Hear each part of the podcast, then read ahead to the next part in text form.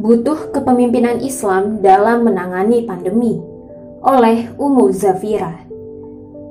Ya Allah, siapa yang diberi amanah untuk mengurus urusan umatku sekecil apa pun, lalu memberatkan mereka, maka beratkanlah dia.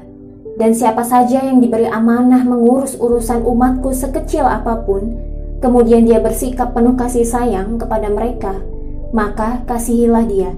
Hadis riwayat Muslim dan Ahmad. Sebuah doa yang dilisankan oleh Rasulullah SAW ini mestinya cukup untuk membuat para penguasa negeri berpikir ulang dalam mengurus urusan rakyatnya. Ketidakjelasan kebijakan menangani pandemi menjadi bukti kegagalan penguasa dalam mengemban amanah.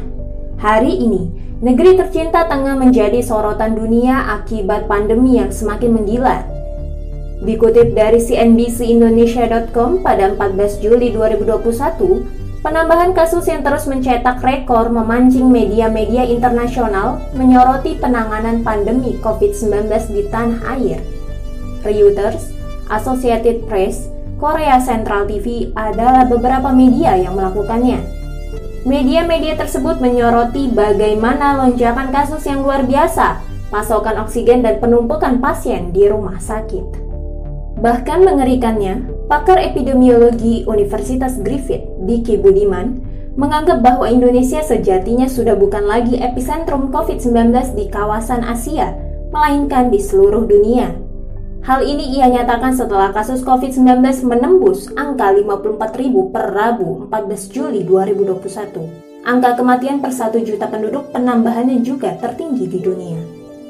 Budiman pun memprediksi kemungkinan terburuk masih akan terjadi beberapa waktu ke depan. Ia menyarankan agar PPKM darurat diperpanjang untuk menghindari skenario terburuk, yakni kasus puncak tidak bergeser di akhir Juli. Bahkan, jumlah infeksi bisa terjadi lebih dari 100 ribu. Sejak awal pandemi muncul, pemangku kebijakan negeri ini seolah mengabaikannya, menganggapnya remeh seakan-akan Indonesia tak akan terdampak oleh wabah yang berasal dari Wuhan, Cina tersebut. Konyolnya, beberapa dari mereka membuat lelucon menanggapi persoalan yang pada waktu itu sudah dinyatakan sebagai pandemi. Kegagapan menangani pandemi ini terlihat dengan inkonsistensi kebijakan yang diberlakukan, Penggantian istilah dari PSBB, PPKM Mikro, dan PPKM Darurat nyatanya tak mampu menekan laju kenaikan angka kasus infeksi. Semakin hari, justru semakin tak terkendali.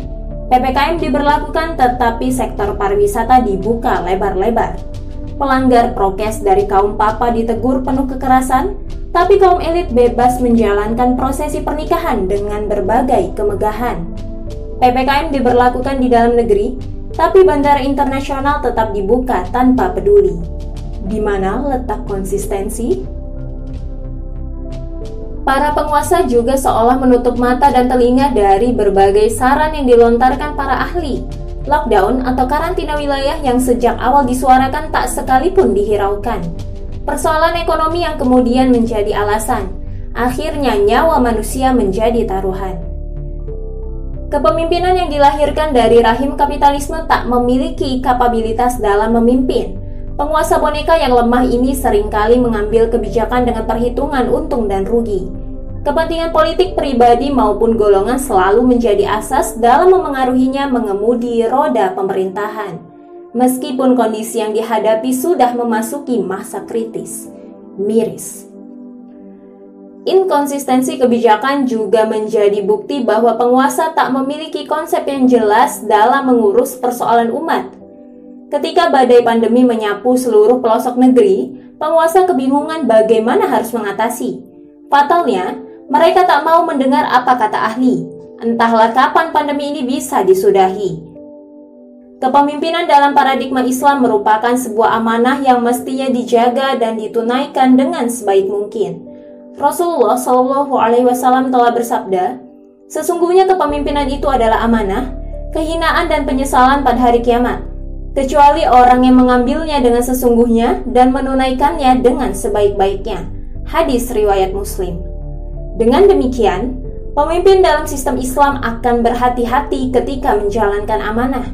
Ia tahu betul konsekuensi dari amanah yang diemban. Jika ia baik dalam menjalankannya, akan ada surga yang menanti. Akan tetapi, Ketika kezoliman dan kebodohan dalam mengurusi, maka kehinaan dan penyesalan di akhirat menanti. Pemimpin yang memahami kewajibannya mengurus urusan umat akan mencintai dan mendoakan rakyatnya. Ia akan mengutamakan kepentingan umat di atas kepentingan lainnya. Tentu saja, kepentingan itu harus sesuai dengan koridor syariat, sehingga umat pun akan senantiasa cinta dan mengiringinya dengan doa dan ketaatan. Kepemimpinan yang seperti ini meniscayakan dua faktor yang akan menentukan keberhasilannya. Pertama adalah faktor individunya, kedua adalah sistemnya. Seorang pemimpin dalam Islam harus memenuhi kriteria pria, muslim, adil, merdeka, berakal, balik, dan mampu. Selain itu, pemimpin juga mesti memiliki kriteria pemimpin yang ideal. Menurut Syekh Taqiyuddin An-Nabahani, ada tiga kriteria kepemimpinan, Ketiganya adalah kepemimpinan inovatif, kepemimpinan inspiratif, dan kepemimpinan cerdas. Dengan berbagai kriteria tersebut, memungkinkan para penguasa menjalankan amanah kepemimpinannya dengan baik. Ia menjalankan roda pemerintahan sesuai dengan perintah Allah atas dorongan akidah. Ia juga memastikan kebijakannya tidak keluar dari hukum Allah yang telah digariskan dalam Al-Quran dan As-Sunnah. Ia akan bersungguh-sungguh mencari solusi atas segala persoalan yang membelit negerinya, Berbagai upaya akan dilakukan demi menyelesaikan segala persoalan, semisal pandemi. Selain itu, Islam juga telah jelas konsepnya bagaimana mengatasi wabah. Sejarah telah membuktikan bagaimana peradaban Islam mampu menyelesaikan bencana wabah dengan solusi syariah tanpa mengabaikan konsep sains. Karantina wilayah menjadi salah satu jurus jitu mencegah penyebaran wabah. Ini pernah dicontohkan generasi terdahulu. Ilmu kedokteran, sains, dan teknologi juga akan dikembangkan untuk kemaslahatan umat. Pemimpin akan senantiasa bekerja sama dengan para ahli di bidangnya untuk menyelamatkan umat dari wabah. Keridhaan Allah menjadi tujuan utama dari setiap kebijakan yang dijalankan. Maka, sebaik-baik pelayanan akan diberikan karena dia memahami ada surga dan neraka yang menanti. Model kepemimpinan seperti inilah yang kita butuhkan untuk menangani pandemi dan persoalan umat lainnya di seluruh penjuru negeri. Ia tentu tidak akan lahir dari kebusukan sistem sekuler kapitalis, melainkan dia akan lahir dari sistem yang Allah turunkan demi kebaikan penduduk bumi.